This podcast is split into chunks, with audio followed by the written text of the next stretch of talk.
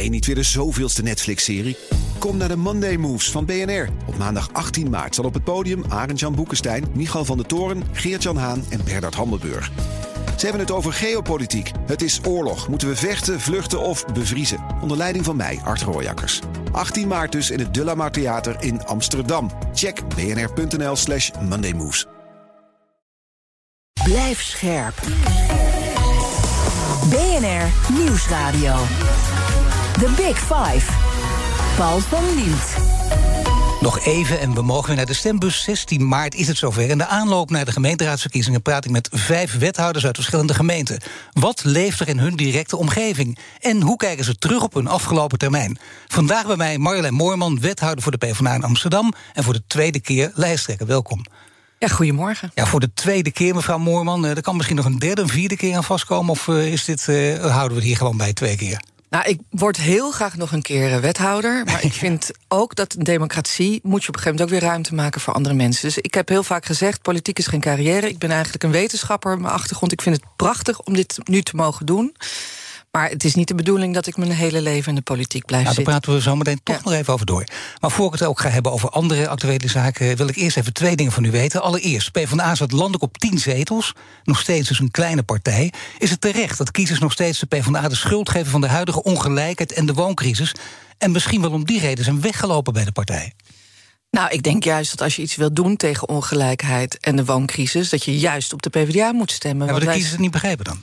Nou, ik, kijk, dat vind ik dat je nooit moet zeggen. Dan moet je het verhaal beter vertellen. Uh, maar het is wel zo dat vanuit de sociaal-democratische waarden, waar ik heel erg voor sta, dat gelijke kansen, uh, eerlijk delen, dat hoort er natuurlijk heel erg bij. En als je kijkt naar bijvoorbeeld uh, de ongelijkheid of de wooncrisis, dat zijn echt is het gevolg van heel veel markt.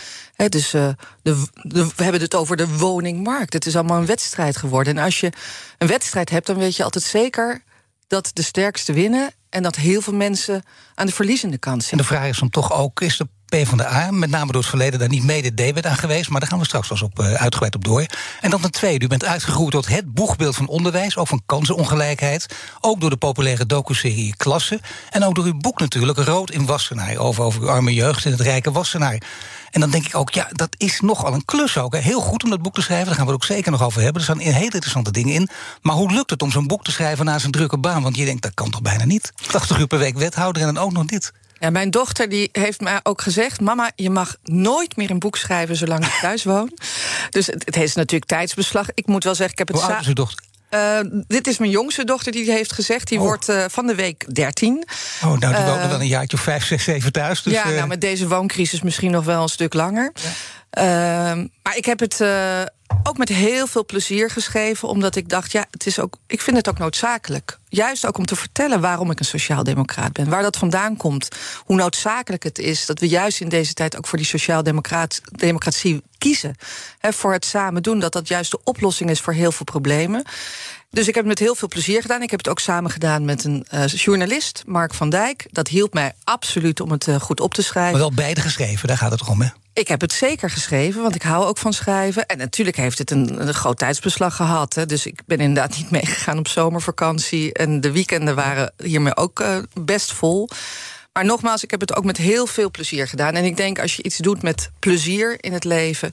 ja, dan, dan uh, levert je dat ook weer heel veel op. Hoewel dit een behoorlijk offer was, maar het heeft iets opgeleverd... en daar gaan we het straks over hebben.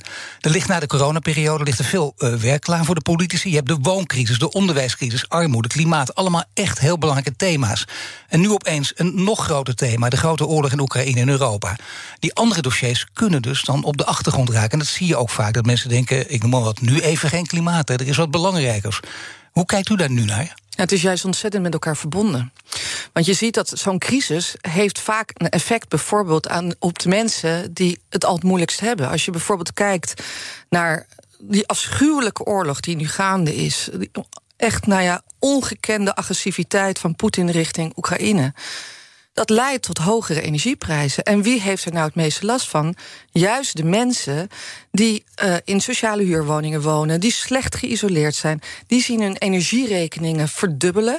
En die hebben nou juist de minste middelen om dat ook op te brengen. Dus je ziet juist dat zoiets ongelijkheid heel erg versterkt. Maar je hoort af en toe uit de landelijke politiek geluiden als ja, nee, alle dossiers even opzij. Dat zal iedereen nu begrijpen. En dit is nu echt uh, punt één. Of we moeten alles even gaan herzien nu, gezien de nieuwe omstandigheden. Ja, maar je moet je juist realiseren dat die grote problemen die we hebben, een klimaatcrisis, dat dat juist heel erg verbonden is wat er gebeurt nu in Rusland en Oekraïne. Op het moment dat we afhankelijk blijven van het Russische gas. Ja, dan zie je dat, je dat je eh, anders ook staat ten opzichte van dit soort situaties. Dus ik denk juist dat die energietransitie die is nu noodzakelijker dan ooit. Want ik wil niet afhankelijk zijn van gas uit een land die zo agressief naar zijn eigen buurlanden is. dus ik, je kan niet zeggen dat zetten we allemaal even opzij. Je zou zelfs moeten zeggen: dit uh, tot nog beter kijken naar al die crisis die we hebben. Ongelijkheid, klimaat. Omdat dat, daar zitten ook oplossingen in. Juist ook voor dit soort grote problemen. Wat betekent dit voor de campagne? Want uh, de campagne is natuurlijk uh, toch op een andere manier gevoerd. Wordt op een andere manier gevoerd in veel steden. Hoe is het in Amsterdam? Hebben jullie iets aangepast of niet? Nou, ik, ik kan me heel erg voorstellen dat, dat op dit moment iedereen vooral heel erg bezig is met die afschuwelijke situatie in Oekraïne. Ik denk ook wel dat het ons doet realiseren hoe belangrijk democratie is. Het feit dat je zelf je keuzes mag maken. Het feit dat je vrije nieuwsvoorzieningen hebt. Het feit dat je als burger een stem hebt. En weet wat er gaande is en dat je daar ook invloed op uit Dus ook wees blij dat je mag stemmen. Een extra oproep om, om ja, die wees, te gaan. wees blij dat je inderdaad kan stemmen. En dat je ook mag kiezen welke toekomst je wil dat jouw gemeente heeft. Dus ik hoop dat, dat mensen zich ook dat nog meer realiseren. En natuurlijk zijn we door Oekraïne ook heel erg bewust van de stappen die we moeten nemen. Als we het bijvoorbeeld hebben over verduurzaming, isolatie, als we het hebben over ongelijkheid. Hoe gaat het met het opnemen van Oekraïners? Want daar hebben we het nu in eerste instantie over. Die naar veel verschillende steden toe kunnen en gaan, ook in Nederland. Hoe zit het met de opvang van Oekraïners in Amsterdam? Ja, daar zijn we uh, al snel mee begonnen. Wij waren de eerste stad die uh, vorige week al de eerste mensen die hier aankwamen hebben opgevangen. We zijn op dit moment ook druk bezig om te kijken welke locaties we daar beschikbaar voor kunnen stellen. We kijken daarbij natuurlijk ook heel goed wat de noden zijn van mensen. Het zijn veel gezinnen, ook kinderen die daar natuurlijk naar onze stad komen. Um, ja, ik vrees als ik kijk naar de situatie daar, dat dit nog wel een hele lange periode gaat duren hoe afschuwelijk dat ook is. Maar om die mensen goed op te vangen heb je dus ook samenwerking nodig. Een tijd geleden sprak ik bijvoorbeeld de CEO van Housing Anywhere, platform voor huurwoningen. Die is alleen daarmee bezig, maar die heeft ook een verlof in Oekraïne. Is extra geraakt door deze crisis en, en door deze oorlog. En zegt ook: ik wil in, in samenwerking hier iets aan gaan doen. Partij onvermoede coalities sluiten. Vindt u dat een goed idee? Partijen die dat voorheen niet zouden doen, die nu wel met elkaar aan de tafel gaan? Ja, natuurlijk is dat een goed idee. He, want dit ook weer laat zien hoe belangrijk het is dat je ook een woningmarkt hebt waar je ruimte hebt voor dit soort solidariteit. Waarbij je mensen kan opvangen die dat op dat moment nodig hebben. En als je het altijd alleen maar overlaat aan de beleggers, aan de mensen die heel veel geld verdienen aan de stad, die alleen maar naar de stad kijken vanuit een economisch perspectief en hoe, hoe, hoe kan ik mijn eigen winst maximaliseren? Ja, dat levert sowieso heel veel problemen op. Maar dan zie je ook bij dit soort situaties dat het ineens overal knelt en piept. Dus ik ben heel blij dat dit ook weer ogen opent en dat mensen zeggen: hé, hey, er is echt iets gaande. We moeten samenwerken met elkaar. omdat we die solidariteit willen betrachten. Solidariteit, mooi woord, een woord wat je nu weer veel hoort. Maar dat is natuurlijk wel waar het over gaat. Maar solidariteit is een mooi woord. En je probeert natuurlijk ook echt gestalte te geven. Je probeert er ook iets aan te doen en te realiseren. Dat kan bijvoorbeeld door uh, een Oekraïne je eigen huis op te nemen. Ja, er zijn veel Amsterdammers die. En maar staat u daar zelf ook voor open? Om dat zelf te doen. Bedoelt u dat? Jazeker. Uh, ja, dat zou ik thuis moeten bespreken of dat kan. Kijk, we, zo ruim wonen we ook niet, maar ik, het is niet uitgesloten. Ik hoor wel van heel veel Amsterdammers die zelf gewoon nog ruimte over hebben. Bijvoorbeeld omdat hun kinderen het huis uit zijn. En zeggen, ja, ik zou dat nu wel willen doen. En we hebben een platform, ook nu is er opgericht... waarbij, we, waar, waarbij mensen dus verbonden worden aan degene die de ruimte daarvoor nodig hebben. Je ziet dat de wethouders en logisch ook een eigen portefeuille hebben. Uw uh, portefeuille is ook heel uitgebreid. Maar toch, in sommige situaties, dat, gaat, dat merken we in dit gesprek nu ook... alles hangt met elkaar samen. Hoe is het met de wethouders in Amsterdam? Lopen portefeuilles nu meer door elkaar? Neem je dingen van elkaar over? Nou, in Amsterdam zijn we daar eigenlijk ook al tijdens de pandemie heel erg mee begonnen. Want ook daar zie je natuurlijk dat heel veel portefeuilles met elkaar verbonden zijn. Ik ga over onderwijs en armoedebestrijding, maar dat is natuurlijk ook weer gerelateerd bijvoorbeeld aan de woningmarkt. Op het moment dat leraren in Amsterdam geen woning kunnen vinden in Amsterdam, ja, dan, dan leidt dat tot een lerarentekort. Dus dan moet je daarop inrichten. Op het moment, en dat zag je dus heel erg tijdens de pandemie, dat mensen hun baan verliezen. Heel veel taxichauffeurs bijvoorbeeld in de stad, die gewoon ineens eh, geen werk meer hadden.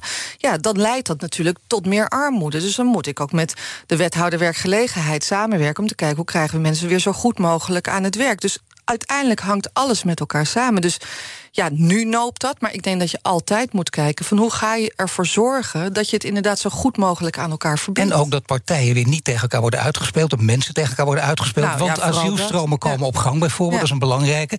En je kunt daar heel ruimhartig in zijn, maar als je weer te ruimhartig bent, dan gaan een aantal mensen die nu moeilijk aan woningen komen ook piepen. En die zeggen ook: wacht even, wij willen dat heel graag, maar wij willen zelf ook in een woning komen. Kijk, en dan kom je op hele lastige punten, moet je hele lastige beslissingen nemen. En het liefst zeg je dan: ik wil het voor iedereen het beste, maar dat kan niet.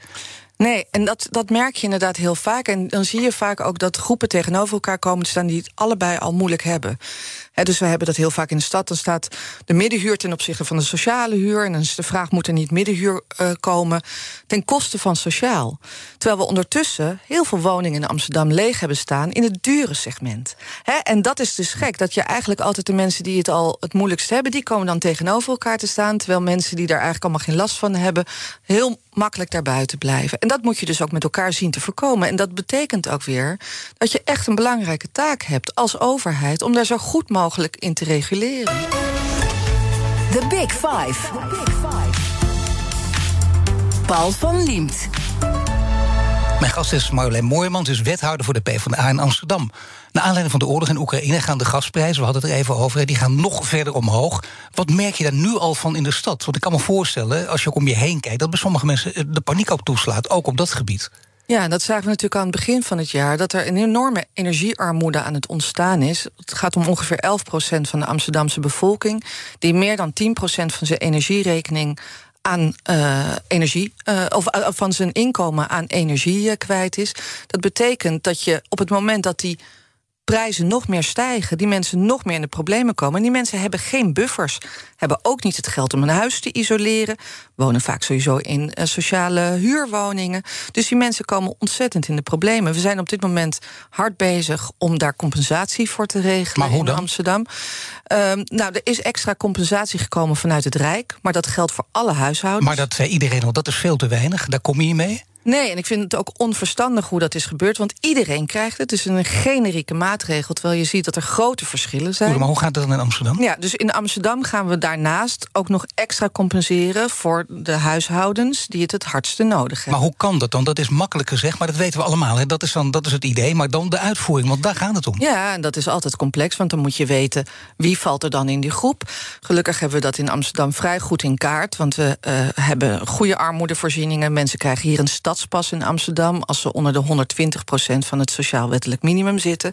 Dus die mensen hebben we goed in kaart. En al die mensen die in die categorie vallen, die krijgen daardoor extra compensatie. Maar ik wou bijna dat het zo geruststellend was als u nu zegt. Want je weet, in de praktijk het is niet vaak lastig. En dan denken mensen ook, wacht even, ik zit net niet in die categorie, dus ik val er net buiten. Terwijl ik ook compensatie nodig heb om andere redenen. Ja. En dan kun je heel andere berekeningen gaan maken. Dat is absoluut waar. Het gaat ook over grote aantallen mensen. En je wil ook niet dat we in de uitvoering al het geld kwijt zijn. Hè? Want dan komt het niet meer bij mensen terecht. Dat is altijd de, afweging die je daarin moet maken. Maar daarom vind ik het ook wel belangrijk dat bij dit soort maatregelen de gemeentes ook aan zet zijn. Want als je het vanuit het Rijk doet, ja, die, die hebben uiteindelijk dat overzicht niet. Ik zou ook willen, en dat is ook ons pleidooi steeds weer richting Den Haag.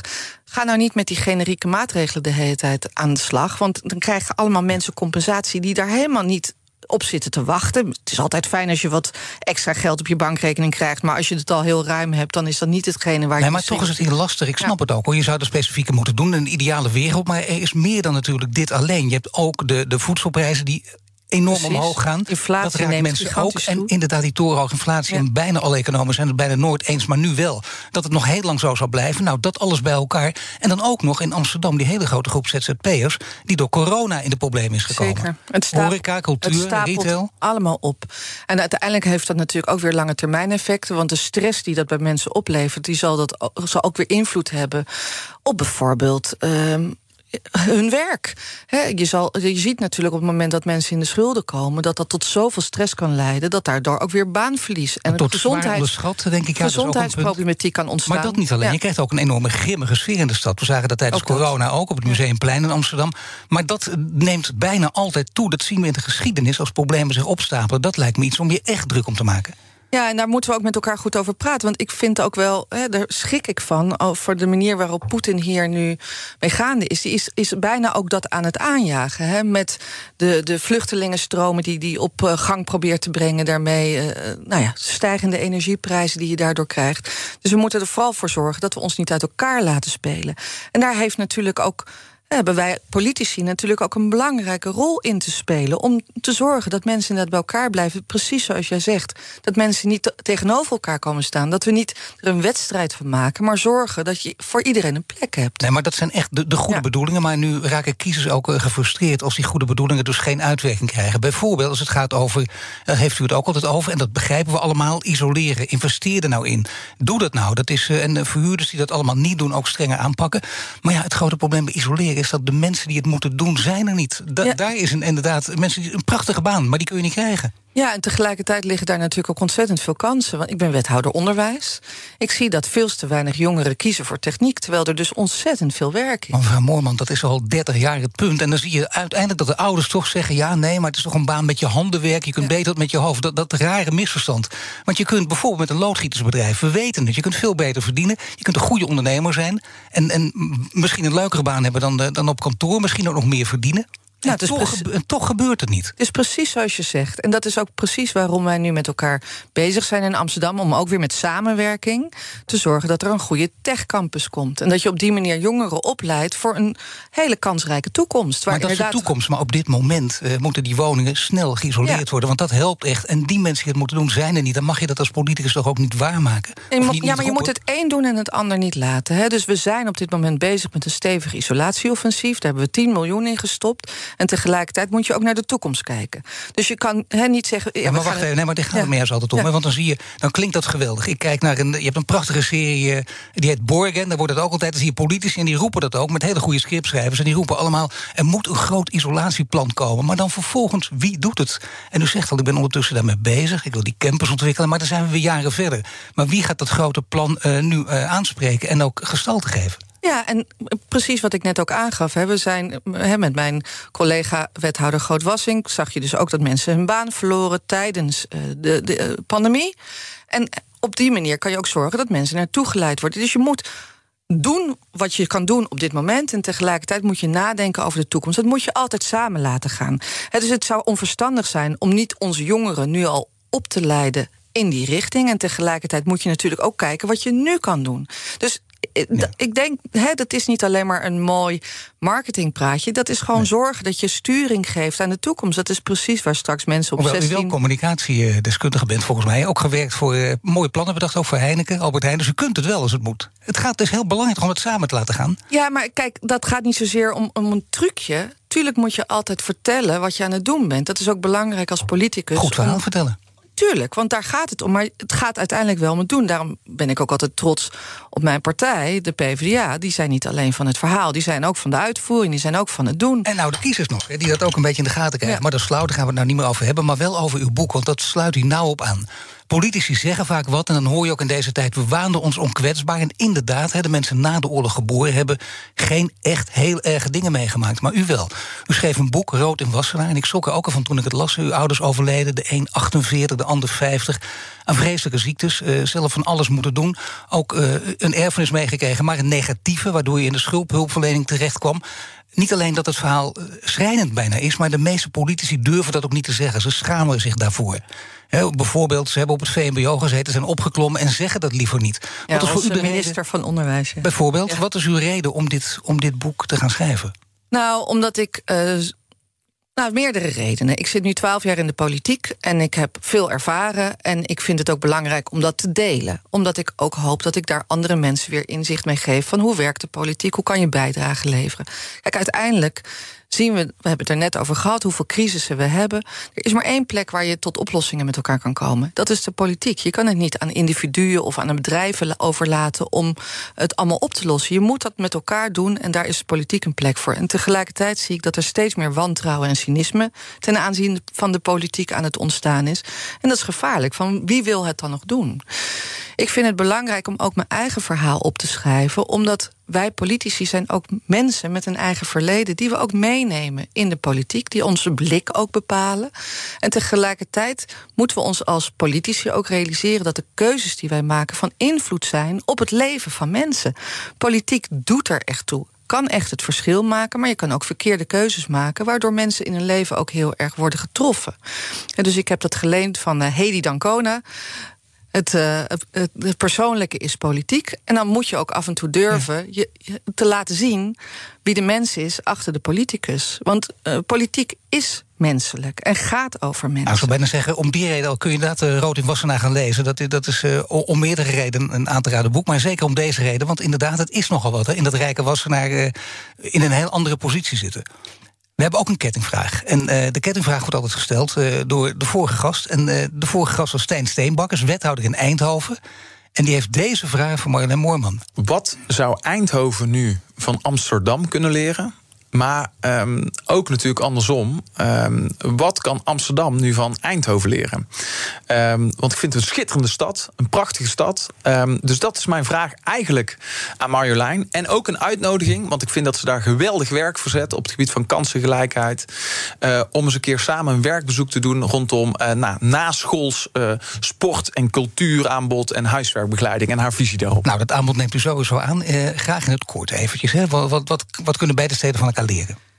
Nou, dank aan Stijn voor deze mooie vraag. Kijk, uh, ik ben van de Partij van de Arbeid. En wat ik zo mooi vind aan Eindhoven, dat is echt een stad waarbij werk en, en wonen heel dicht bij elkaar ligt. Natuurlijk de traditie van Philips, hè, die daar natuurlijk ook al in Eindhoven voor zijn eigen werknemers prachtige woningen ook realiseerde, wetende dat het belangrijk is dat je eigen werknemers een goed leven hebben, want dan zijn het gewoon betere werknemers.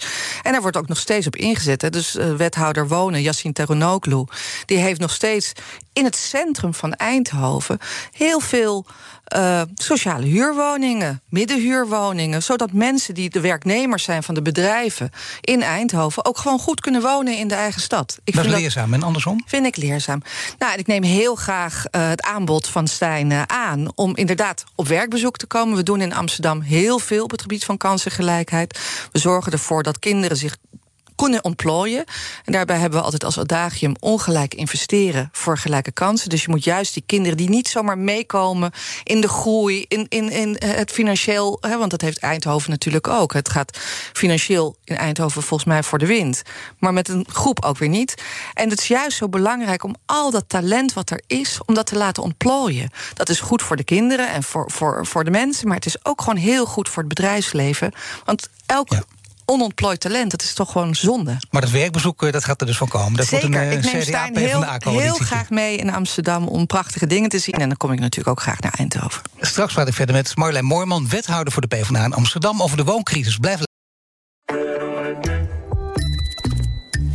het Eneco Klimaatreport van deze week komt uit Amsterdam. Ik ben Pascal en ik sta hier met de oprichter van Wikkelhuis op de werkplaats. Oep, wat zie ik hier? Ja, je ziet allemaal huisjes. En welke rol speelt energie-efficiëntie in jullie ontwerp- en bouwproces? We bouwen alleen maar met hernieuwbare materialen. Maar het leukste is dat we eigenlijk uh, zonne-energie gebruiken voor onze elektriciteit. We hebben duizend zonnepanelen op ons dak van de werkplaats. Duizend zonnepanelen, dat zijn er een hoop. Ik kan me voorstellen dat er veel stroom vanaf komt. Ja, er komt een enorme bak met stroom uit. En soms in de zomer is dat ook te veel. En daarom werken we samen met uh, Eneco, met het uh, opwek optimaal systeem. En wat doet dat systeem? Een soort dimmer. Dat als er te veel stroom is, dat je dat zeg maar wat terug reguleert, zodat er geen netcongestie ontstaat. Want dan zou alles vastlopen.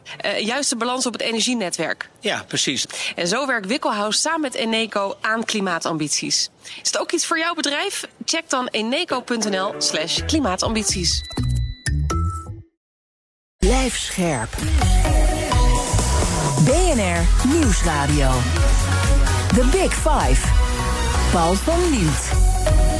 Welkom bij het tweede half uur. Deze week vijf wethouders in de aanloop naar de gemeenteraadsverkiezingen. Gisteren sprak ik met Stijn Steenbakkers, wethouder voor Economie, Brainport, Innovatie, Onderwijs en Sport in Eindhoven. Te gast is Marjolein Moorman, wethouder voor de PvdA in Amsterdam. Komend half uur wil ik in ieder geval nog twee onderwerpen met u bespreken. Hoe gaat u dit keer wel winnen met de PvdA? Dat is een heel lastig onderwerp. En de wooncrisis en het onderwijsprobleem, even lastig om met het laatste te beginnen. Mensen betalen enorme huren, we hebben het een beetje aangestipt. De, de, ja, de aankoopbedragen voor nieuwe woningen zijn gigantisch, kunnen enorm oplopen. Wat ziet u om u heen? Want het gaat ook om concrete gevallen. Je bent wethouder, maar ook mens, dat bleek uit het boek. Dus wat merk je om je heen? Nou ja, dat mensen er gewoon niet meer tussen komen. Dus als je hier als gezin uh, in de stad wil blijven wonen, ja, dan sta je vaak achter in de rij, omdat de beleggers voor jou gewoon de woningen al wegkapen. Die kunnen gewoon uh, enorme bedragen zo op tafel leggen. Nou, en dan sta je dan achteraan. En dat betekent dat de stad gewoon van karakter verandert. Dat vind ik eigenlijk het ja. meest zorgelijk. Hè. Amsterdam, voor de Amsterdammers, uh, die herkennen dat wel. Die heeft, Amsterdam heeft de ziel, zeg ik altijd. En, en dat is een sociale ziel, een ziel waar we naar elkaar omkijken. Dat komt ook voort uit de diversiteit. Dat Amsterdam heel erg kenmerkt. Diversiteit in sociaal-economische achtergronden, in, in, ook waar je vandaan komt uh, in de wereld. En dat maakt de stad ook bruisend. Het, feit juist dat hier ook creatieve makers in de stad altijd een plek hebben kunnen vinden. Uh, denkers die hier altijd een plek hebben kunnen vinden. En dat zie je steeds meer uit de stad verdwijnen. Eigenlijk kan je alleen nog maar in de stad een plek vinden als je of het geluk hebt dat je in een gezin bent geboren waarin je ouders uh, je wat te bieden ja. hebben, of zelf al financieel succes hebt kunnen maken en dan vaak buiten de stad. Terwijl je juist wil dat mensen zich in de stad kunnen ontplooien, nee, want dat is de stad, wat de stad natuurlijk maar eigenlijk het interessante is. was, ik las een interview met een uh, makelaar in het Parool en die had het ook over de stad en de stad. Laten we even zeggen dat is het centrum van de stad. Nee, dat, dat kwam er niet uit, maar na een paar vragen wel. Ze zei in het centrum daar zullen een aantal mensen nooit meer kunnen wonen. Maar dat geeft niet, want aan de randen van de stad, dat is het nieuwe centrum.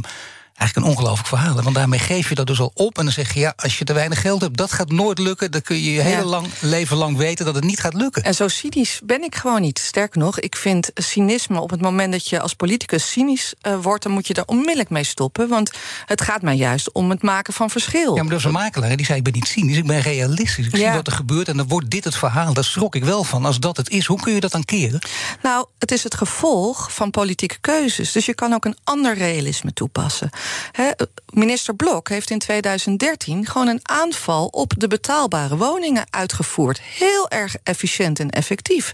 Hij stond daar op de Provada richting de vastgoedondernemers te vertellen hoe hij uh, ervoor ging zorgen dat woningen allemaal op een markt terechtkwamen.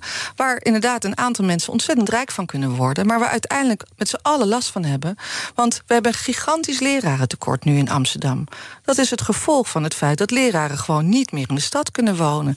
Hetzelfde geldt natuurlijk voor mensen in de zorg. Hetzelfde geldt voor mensen met, die bij de politie werken. Het is alleen wel om dat naar elkaar te wijzen. Want inderdaad, 2013, Stef Blok, dat ja. is een gebeurtenis. Maar als we dan iets verder in het verleden teruggaan, wordt er ook geweest op de jaren 90 Partij van de Arbeid, privatiseren van woningbouwcorporaties, kijken wat daarvan gekomen ja, is. is niet verstandig geweest. Nee, dus nee. het is lastig om dan steeds naar elkaar te kijken. Dat is in, nee, het verleden nee, verkeerd gegaan. Ja, maar, maar hoe zou je het nu kunnen keren? Het grote verschil is, is dat de VVD nog steeds heel trots is op deze keuzes. Waar we uiteindelijk gewoon kijken. En ook economisch, als je het alleen maar vanuit dat perspectief. Ik vind het niet eerlijk. Hè, dus dat sommige mensen er heel veel profijt van hebben. Maar het grootste deel van de mensen er heel veel last van heeft. Maar het is ook economisch onverstandig. Als je. Uh, onderwijs gewoon slecht wordt door het feit dat we te weinig leraren hebben, dan heb je daar later een enorm economisch effect van. Ik heb met uh, Weile Hans de Boer heb ik uh, een paar jaar geleden VNO-NCW voorzitter van de VNO-NCW heb ik een brief geschreven aan onze minister-president om hem te wijzen op het grote probleem in het onderwijs. Omdat dat uiteindelijk ook voor al onze werkgevers een heel groot probleem gaat oplossen. Anders zie je in die prachtige serie klassen ook naar voren. Ja. Dat is heel belangrijk. Hè? Je holt daarmee gewoon uiteindelijk je uh, collectieve systeem uit. Hè? En, en dat collectieve systeem, dat hebben we allemaal nodig. We willen allemaal dat er goede zorg is voor onze ouders. Of als we zelf ziek worden. We willen allemaal dat er goed onderwijs is. We willen dat de straten veilig zijn. Dat hebben we met z'n allen nodig. Maar op het moment dat we van alles een markt maken... en daar steeds minder in investeren... Ja, dan krijg je dus. Maar hoe leg je dat aan banden? Want uh, bijvoorbeeld uh, heel veel woningen kopen om te, om te beleggen, dat uh, buy to let. Hoe moet je daar een halt aan toeroepen? Er zijn veel specialisten die daar al op wijzen. Maar ook daar schort het weer in de uitvoering, want dat is moeilijk. Dan komen er hele grote verhalen, ook in de plaatselijke pers, over Prins Bernhard junior, de pandjesprins. Ja. 349 adressen in Amsterdam, zo werden er meer namen genoemd. Ja, dan spreken mensen daar schande van en vervolgens gaan ze over naar het volgende onderwerp. Hoe kun je hier daadwerkelijk iets aan doen? Nou, ik ben nooit overgegaan tot het volgende onderwerp. Want nee, dit is altijd een van de grootste. Uh, nou, door daar stevig op te durven reguleren. En er is heel lang gezegd alsof de markt ons zomaar overkomt alsof het een natuurfenomeen is. Nee, nogmaals, het is het gevolg van politieke keuzes. En je kan andere politieke keuzes maken. We hebben nu in Amsterdam een zelfbewoonplicht ingevoerd. Dus tot 512.000 euro mogen de woningen niet zomaar opgekocht worden door beleggers. Nee, je moet er zelf gaan wonen. Waarom? Omdat wij willen dat mensen in de stad kunnen wonen, omdat ze daarmee ook bijdragen aan Amsterdam. Ik vind dat ook een bedrijf, ook de bewoners. Dat je niet alleen maar moet kijken vanuit wat heb ik aan de stad. Nee, maar ook wat kan ik zelf bijdragen aan de stad. En die keuzes die durven nu stevig te maken. PvdA pleit er al heel lang voor. In het verleden werd dat wel eens weggezet. Ach, hè, te veel regulering. We moeten het nou allemaal de vrije hand geven. Maar we zien nu allemaal dat we vast komen te draaien. En dat we daar echt met z'n allen ook ontzettend veel last van krijgen. Nou zien we meer. We zien ook uh, het onderwijs. Dat het allemaal met elkaar samenhangt. U heeft het net al over gehad. En dan kijk je naar de staat van het onderwijs. Als je kijkt naar de, de, inspectie. De onderwijsinspectie geeft jaar in jaar uit. Het onderwijs in Nederland, de staat van het onderwijs, een onvoldoende.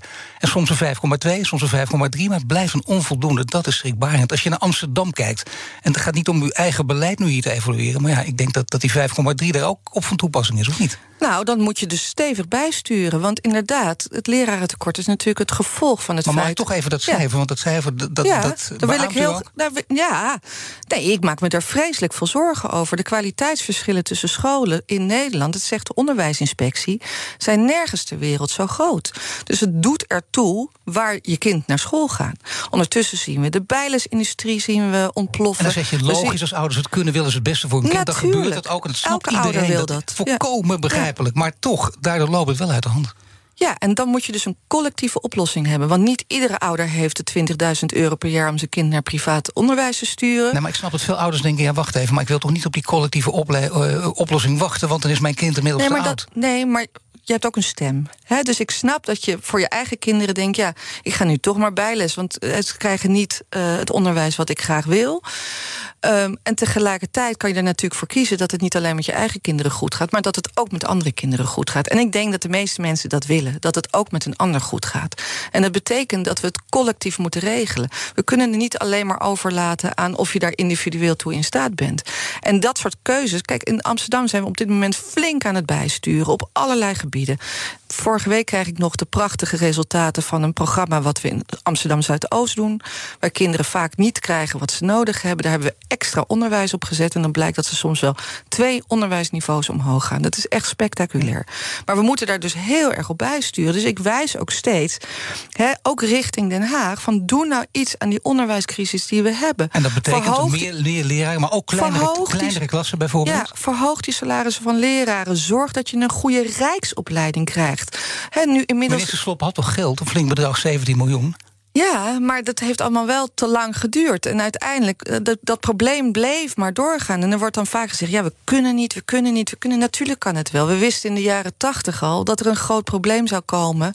op, op het gebied van het lerarentekort. En toch is uh, al die jaren niets gebeurd. Leraren, leraren nodig die, die meer verdienen, want het, is, het, het, is, het kan nog veel beter natuurlijk. Maar veel leraren zeggen ook, nou, zo slecht als het was... is het al niet meer. En bovendien, kleinere klassen zouden we veel fijner vinden. Kleinere klassen zou ontzettend goed zijn. Ook omdat je dan goed kan differentiëren. Dus dan kan je ervoor zorgen dat de leerlingen die meer nodig hebben... dat je die die aandacht kan geven, dat je meer uitdaging kan geven. En dan kan je daarmee dus ook zorgen dat kinderen gewoon ook langer bij elkaar blijven. Ik maak me er zorgen over dat kinderen op een jonge leeftijd... heel erg uit elkaar worden gehaald en daarmee elkaar ook niet meer ontmoeten. Het lijkt me voor de samenleving... Maar zeggen mensen, moet je dan weer terug naar de middenschool? Dat wil zeggen dat Ja. je heel lang bij elkaar blijft zitten? Nou, nee, we hebben in in Amsterdam meerdere scholen... die kinderen tot en met de derde bij elkaar laten. Maar ik heb ze juist een brede brugklasbonus gegeven. Extra geld om die klassen te kunnen verkleinen. Omdat je wel wil dat elk kind de aandacht krijgt die nodig heeft. Dus kleine klassen lijkt mij een goed idee. En dan wil je ook nog ventileren. Dan wil je ook nog. eh, Ja. Dat, dat, dat moet ook echt opschieten. Schiet het daarmee op. Want dan denk je, ja, die plannen lagen daar, maar die corona veel voorbij. Andere dingen nu. Of is dat ook een. Want dat gaat allemaal terugkeren natuurlijk. Hè?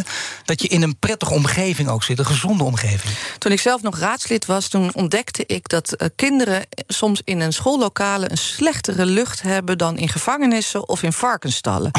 en tegelijkertijd weet je ook dat een goede eh, binnenluchtkwaliteit dat het belangrijk is om te leren. Natuurlijk, want op het moment dat er niet genoeg zuurstof is, ja, dan krijg je hoofdpijn, dan kan je niet genoeg leren. Leraren vallen uit, die worden ziek van een slechte binnenluchtkwaliteit. Dus we zijn gelukkig in Amsterdam al ver voor de pandemie begonnen met goede luchtfilterinstallaties in scholen en lopen daarin dus nu ook voor op de rest. En de parkeervergunningen. En eh, Ja. leraren aan die woningen helpen. Want jullie proberen dat wel, maar dat, daar schort het toch nog steeds aan. Ja, en Amsterdam, er zullen veel eh, mensen weten die ook Amsterdam bezoeken. We hebben natuurlijk hele hoge parkeertarieven. We willen een autoluwere stad worden, omdat dat ook weer goed is voor uiteindelijk de luchtkwaliteit. Maar ik, ik heb wel gezien dat het voor het lerarentekort eigenlijk niet te doen is om leraren niet de mogelijkheid te geven om met de eh, met de auto naar de school te komen. Dus daar hebben we een uitzondering gemaakt. Alle leraren krijgen nu gewoon een, een parkeervergunning als dat nodig is. Soms moet je het bijstellen. Zometeen praat ik verder met Marjolein Moorman, wethouder voor de PvdA in Amsterdam. Maar eerst naar BNR Breekt. Wat is vandaag het breekijzer? Het breekijzer is: het is hoog tijd dat er meer aandacht komt voor de gemeenteraadsverkiezingen. Nou, Paul, daar zal je gast het ongetwijfeld mee eens zijn. Eh, nieuws draait natuurlijk al dagen om Oekraïne en terecht. Ehm, over acht dagen gaan we dan ook eh, naar de stembus. Maar ja, daar hoor je eigenlijk verdacht weinig over. Ja, je hoort jou daarover deze week. En af en toe is er wel aandacht voor. En dat is misschien toch wel jammer, want die gemeente heeft natuurlijk heel veel invloed op jou en op mij. En wordt misschien ook wel een beetje onderschat. Daarom is ons breekijzer. Het is hoog tijd dat er meer aandacht komt voor de gemeenteraadsverkiezingen. Ik ga erover praten met twee kandidaat gemeenteraadsleden die in mijn panel zitten. Ik heb een deskundige en ik hoor natuurlijk ook heel graag jouw mening. Wat vind jij? Is het eh, inderdaad hard nodig dat we het eh, meer hebben over het gemeentehuis? Ben je zelf al druk bezig met stemwijzers en verkiezingsprogramma's uitpluizen? Of denk je. Joh, who cares? Ik heb eh, geen idee wat de gemeente doet. Het zal mijn tijd allemaal wel duren. 11 uur gaan we erover praten. Dat is over een eh, minuutje of eh, 15. Dan kan je bellen naar de studio 020 468 4 keer 0 Niet nu bellen, maar zometeen over een kwartier. Dan hoor ik graag van je. Ons breekijzer. Het is hoog tijd dat er meer aandacht komt voor de gemeenteraadsverkiezingen. Zometeen bij BNR Breekt. BNR Nieuwsradio. The Big Five. Paul van Liemt. Je luistert naar BNR's Big Five van de wethouders. Morgen praat ik nog met Lot van Hooijdonk, wethouder mobiliteit, energie, groen en dierenwelzijn in Utrecht. Mijn gast is Marleen Moorman, wethouder voor de PvdA in Amsterdam. Landelijk heeft de PvdA afgelopen jaren veel zetels verloren. Staat op 10. Eh, op een gegeven moment zie je de trend naar 9, 9, 9. Dan blijft het daar rondhangen. En dan hoor je veel mensen die PvdA... dat kan niet waar zijn, dat komt vanzelf wel goed. Nou, dat gebeurt niet. Blijft er om hangen, dan ben je een kleine partij. Dat is toch heel raar? Hoe, wat, daar wil je toch goed over nadenken? Marjolein Moorman is langzamerhand een, een boegbeeld voor de Partij van de Arbeid. Dus die heeft er ook over nagedacht. Een goede analyse gemaakt. Dat is de reden dat die Partij van de Arbeid het lelijk laat liggen. Nou, ik vind het vooral jammer, omdat ik denk dat deze tijd ontzettend veel sociaaldemocratie kan gebruiken. En ik ben een, ik ben een hele trotse sociaaldemocraat. Ik ben echt heel trots op de idealen die daaronder liggen. Natuurlijk is het een partij die al 76 jaar bestaat, vaak heeft meebestuurd. Daar ben ik trots op, hè, want we zijn niet alleen maar van langs de zijlijn een mooi verhaal vertellen. Nee, we zijn ook van het doen. Ja, ook waar gehakt wordt, vallen Spaanders. Dus ik- iedereen die 76 is geworden weet ook dat je ooit in je leven fouten hebt gemaakt. Moet je ook gewoon eerlijk over zijn. Maar dat neemt niet weg dat die idealen van de sociaaldemocratie, juist in deze tijd, met al die crisis die we hebben, heel belangrijk en heel relevant zijn. Maar in Amsterdam met name, hè, eh, ongeveer sinds de Tweede Wereldoorlog... geloof ik de grootste van de stad tot 2014. En vanaf dat moment niet meer, structureel niet meer. Nee, maar misschien worden we wel weer de grootste op 16 maart. Ik heb ja, maar dat gaat nooit. Dat gaat, ja, natuurlijk, dat begrijp ik. Nee, zo gek als het niet zo was. Maar, maar ja, goed, dan denk je acht jaar niet. eh, De peilingen wijzen er ook niet op. Eh, bovendien, je weet het Nou, natuurlijk nooit. de maar, peilingen gingen op Nou, zich niet slecht hoor in Amsterdam. Dus in die zin, hè, dus er werd van het weekend werd er gepeld. En werd, was ook duidelijk, het werd ook op die manier opgeschreven... van de PvdA zou zomaar weer de grootste kunnen worden. Nee, en dat kan altijd, maar, maar ook eh, de vierde of de vijfde. En je ziet Nee, ook nee, je ziet we een gingen trek naar lokale ja. partijen. Dat is natuurlijk eh, Ja. wat, wat ja, uit die de hebben we in laatste Amsterdam nog niet echt. Eh, het zijn eigenlijk allemaal landelijke partijen die in Amsterdam meedoen. Nou, ik zie in een hele lijst ook een paar lokale bij staan hoor. Ja, maar die zitten nu nog niet in de gemeenteraad. Hè. Dus eigenlijk de enige. Maar dat kan gebeuren. Het zou zeker kunnen gebeuren, ja. Het zag er nu nog niet zo uit. Maar kijk, waar het uiteindelijk om gaat, is dat je uh, vanuit je idealen en vanuit je waardes probeert de stad zo goed mogelijk uh, de toekomst in te leiden. Maar dan, he, als ja. u juist uh, ook opgegroeid bent in die communicatiewetenschap, weet dat je een duidelijk verhaal moet vertellen, dat je ook moet vertellen wat er mis is gegaan, is het punt voor de Partij van de Arbeid. En niet elke PvdA zegt dat, maar veel velen zeggen dat wel. Heeft allemaal te maken met niet kunnen kiezen voor welke groep. Hè, de arbeiders of de migranten. En dat werd heel lastig. Dat is heel gevoelig, dat is moeilijk. En, en de een of de ander. En dat ging dan steeds op en neer. Is dat niet uh, misschien wel de wortel van het kwaad voor de partij? Nee, want ik vind niet dat je het voor een bepaalde groep moet kiezen. De PvdA is altijd de partij geweest van de verbinding. Is altijd de brede volkspartij geweest. Is juist altijd de partij geweest die, uh, om het maar even zo heel, uh, nou ja, ik vind dat niet de mooiste woorden, maar elite en volk aan elkaar verbond. Dat is altijd zo geweest. Kijk naar iemand als Wieboud. Mensen in Amsterdam kennen hem van de Wieboudstraat. Ja. Maar dat was een sociaaldemocraat aan het begin van de vorige eeuw. Was zelf een miljonair. Rijk geworden in de houthandel. En uh, ging in Amsterdam een prachtig sociaaldemocratisch En tegenwoordig beleid. zeg je dan links lullen, rechts zakken vullen. En daar nee, gaat het om, dat, dat moet je niet meer doen. Maar dat deed hij niet, want hij zorgde ervoor. Net zoals bijvoorbeeld ook zijn opvolger Schever. Allemaal wethouders-socialisten. Zorgden ervoor. niet wonen? Nee, werd, zorgde er juist voor dat er heel veel woningen werden gebouwd. Woningen van goede kwaliteit. Ik ben heel trots op de sociaal-democratische traditie van Amsterdam. We hadden het net over die ziel van Amsterdam. En ja, die ziel van Amsterdam is rood. Dit wordt een geweldig verhaal, dat begrijp ik ook Ja. vanuit uw positie. Maar we zien Nee, ondertussen dat, het, dat, dat de mensen zich afkeren van de partij. Nou, overdrijf ik expres aan de andere kant een beetje. Maar toch die partij niet zo groot maken als die was. Dus waar mist het dan aan? Die analyse hebben jullie toch ook gemaakt? Ja, maar kijk, als ik kijk naar hoe we in Amsterdam aan de afgelopen. Nou, daar hebben we het over decennia hebben bestuurd. Dan zijn er natuurlijk fouten gemaakt. Eh, maar er zijn ook heel veel dingen heel erg goed gegaan. En ik ben een sociaaldemocraat in hart en nieren, omdat ik denk dat dat de manier is waarop we het beste met elkaar kunnen samenleven. Omdat je niet wil dat het alleen maar goed gaat met jezelf, maar dat het ook goed gaat met een ander. En in deze tijd wordt ons vaak voorgespiegeld dat succes een keuze is. En het gevolg daarvan is ook dat we denken dat pech je eigen schuld is. En daarmee verdwijnt heel veel solidariteit uit de samenleving. Maar succes is natuurlijk vaak niet alleen maar je eigen verdienste. Het is ook het gevolg van het feit dat je misschien ja, op de goede plek bent geboren... of dat je ouders je veel hebben ondersteuning kunnen geven. Ik denk dat we als samenleving heel veel verliezen... op het moment dat we er niet voor zorgen dat het ook met een ander goed gaat. En dat is namelijk uiteindelijk voor jezelf ook slecht. Maar toch, we zien in deze tijd, we hebben dit gesprek al een paar keer aangestipt ook, inderdaad de kloof rijk-arm. Door ook Ja. veel tv-programma's over gemaakt, Ja, veel Sander boeken en over geschreven. Sander en de Kloof ook. Dat was eerst uit, uit onverdachte hoek en daar werd flink over, er is flink op doorgediscussieerd ook. En dan kun je zeggen, veel meer mensen krijgen in ieder geval op hun netvlies zien dat er wat aan de hand is. Als een het middengroep, een zo- middenklasse weggaat, dan gaat het slecht met een land en een stad. Ja, dan gaat het als je als ondernemer geen goede werkgever, werknemers meer kan vinden. We hadden het er net over, bijvoorbeeld bij de energietransitie. Ja. Dan loop je ook zelf vast. Op het moment dat op het moment dat je zelf dat succes hebt, je de hele tijd zorg moet maken dat een ander het misschien wel van je afneemt. Of dat we te- steeds meer tegenover elkaar komen te staan. De toenemende polarisatie in de samenleving. Daar hebben we natuurlijk uiteindelijk allemaal last van. Maar hoe kan het nu dat juist in deze tijden... dat, dat, dat er eigenlijk maar één is die af en toe die polarisatie weet te doorbreken... en, en dat, dat is Mark Rutte, want daar blijven de mensen op stemmen. Ja, maar tegelijkertijd is Mark Rutte natuurlijk wel de premier die ons de afgelopen jaren steeds heeft voorgespiegeld dat het allemaal eigen keuze is.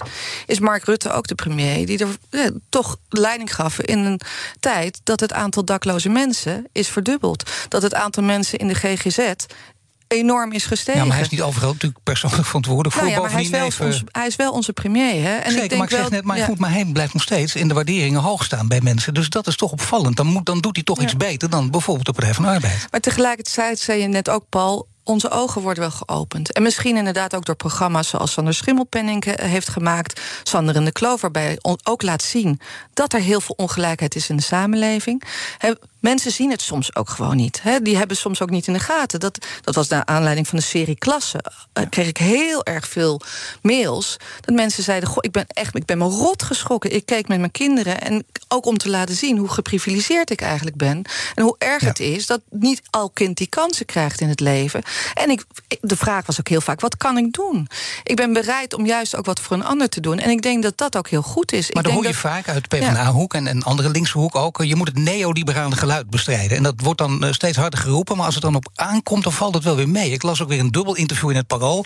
Marjolein Moorman, nu bij mij, eh, met Claire Martens van de VVD... met z'n tweeën, NRC. En dat was een heel vriendelijk gesprek. En dan denk je, nee, maar dat is dan toch juist het moment... om elkaar te vuren en te zwaar te, te bestrijden op een goede manier. Maar je kan heel vriendelijk tegen elkaar zijn en tegelijkertijd toch een heel ander wereldbeeld hebben. dus ik mag Claire Martens uh, heel erg graag als mens. En tegelijkertijd het wereldbeeld van de VVD, waar zij natuurlijk ook voor staat, ja, dat deel ik niet. Omdat zij inderdaad aangeeft van ja, we moeten toch zorgen dat we het vooral beter maken voor mensen die het al heel erg goed hebben. Ja, ik denk dat we het uiteindelijk allemaal niet beter van krijgen. Je zou ongelijkheid ook kunnen zien als een virus, als een pandemie. Ik ben niet degene die dat bedenkt. Er zijn epidemiologen die dat ook op die manier hebben onderzocht. Die hebben daar een prachtig boek over geschreven, de Spirit Level. En die laten ook zien dat in samenlevingen waar er veel ongelijkheid is, dat het uiteindelijk voor iedereen slechter is. Ja, maar iedereen je probeert in de samenleving ook uh, wat je kan, probeer je wel te doen om beter te worden. Dat heeft u zelf ook gedaan. Hè? Uh, Rood in Wassenaar, een boek in het keurig staat uitgelegd. Hè? Je, je ziet iemand die eigenlijk uit hele moeilijke omstandigheden komt, die iets heel moois kan bereiken. En dan, kun je, dan is de neiging bestaat, dat is succes. En dat gun je anderen ook. En dan ga je anderen ook aanjagen om het zo te doen. Maar dat vindt u ook weer niet, of wel?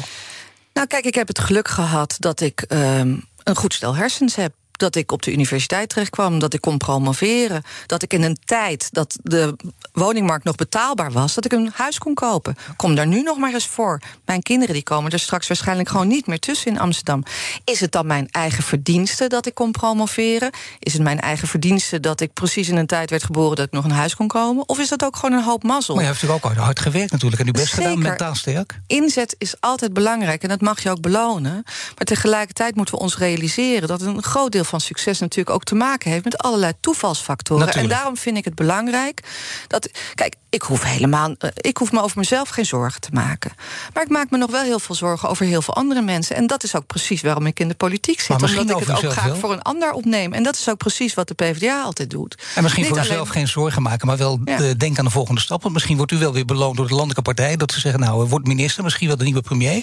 Eerste vrouwelijke premier van Nederland. Dat is wel een mooie waarom, streven. Waarom is dat een. Kijk, de lokale politiek moeten we ook niet onderschatten. We moeten niet net doen alsof Den Haag de, okay, champ de Champions League is. En dat, dat lokaal. Nee, want als ik kijk welke opgaves er allemaal nog in Amsterdam liggen, dan vind ik het juist zo mooi dat je in de lokale politiek heel dichterbij staat. Ook precies ziet wat mensen okay. bezighoudt in het leven. En als je nou kijkt naar toenemende wantrouwen in de politiek, dan is het juist belangrijk dat je aandacht kan geven. Dat je erbij bent. Dat het persoonlijk is. En daarom hou ik heel erg van die lokale politiek. Mijn gasten stellen elkaar vragen via de kettingvragen. U mag een vraag stellen aan de volgende gast, Lot van Hooijdonk. Sinds 2014 is hij wethouder verkeer, mobiliteit, duurzaamheid en milieu in Utrecht voor GroenLinks. Wat wilt u haar vragen? Ja, ik zou aan haar willen vragen. Zij doet de portefeuille mobiliteit. Uh, ik ben natuurlijk heel veel bezig met gelijke kansen en het bestrijden van ongelijkheid hier in Amsterdam. Ik ben benieuwd hoe Lot kijkt naar de combinatie van mobiliteit en het bieden van gelijke kansen. Ligt daar een relatie en hoe zou zij daaraan willen werken? Op wie gaat u stemmen? Ik ga natuurlijk op de Partij van de Arbeid stemmen. Maar wie? En ik ga. Uh, ja, er staan ontzettend veel mooie mensen op onze lijst. Ja, en dat is altijd moeilijk, want dan ben je even. Ik zou zeggen, ik ga niet op mezelf stemmen. Kijk even goed naar onze lijst. Het is echt een prachtige afspiegeling van Amsterdam. Okay. En uh, nou, eigenlijk kan je op iedereen van ons stemmen, want uh, ze zijn allemaal toppers. Hartelijk dank, Marjolein Moorman. Alle afleveringen van BNS Big Five zijn natuurlijk terug te luisteren. Je vindt de podcast in de BNR-app en op bnr.nl. Zometeen BNR Breed. Dag. Hoi, Bob Snoer hier van Salesforce. Ontdek het nieuwe seizoen van Aanjagers. Patrick Willer en ik spreken iedere aflevering inspirerende gasten over verschillende thema's zoals leiderschap, diversiteit en innovatie. Luister Aanjagers via je favoriete podcastplatform Aanjagers. De podcast voor mensen die durven te veranderen.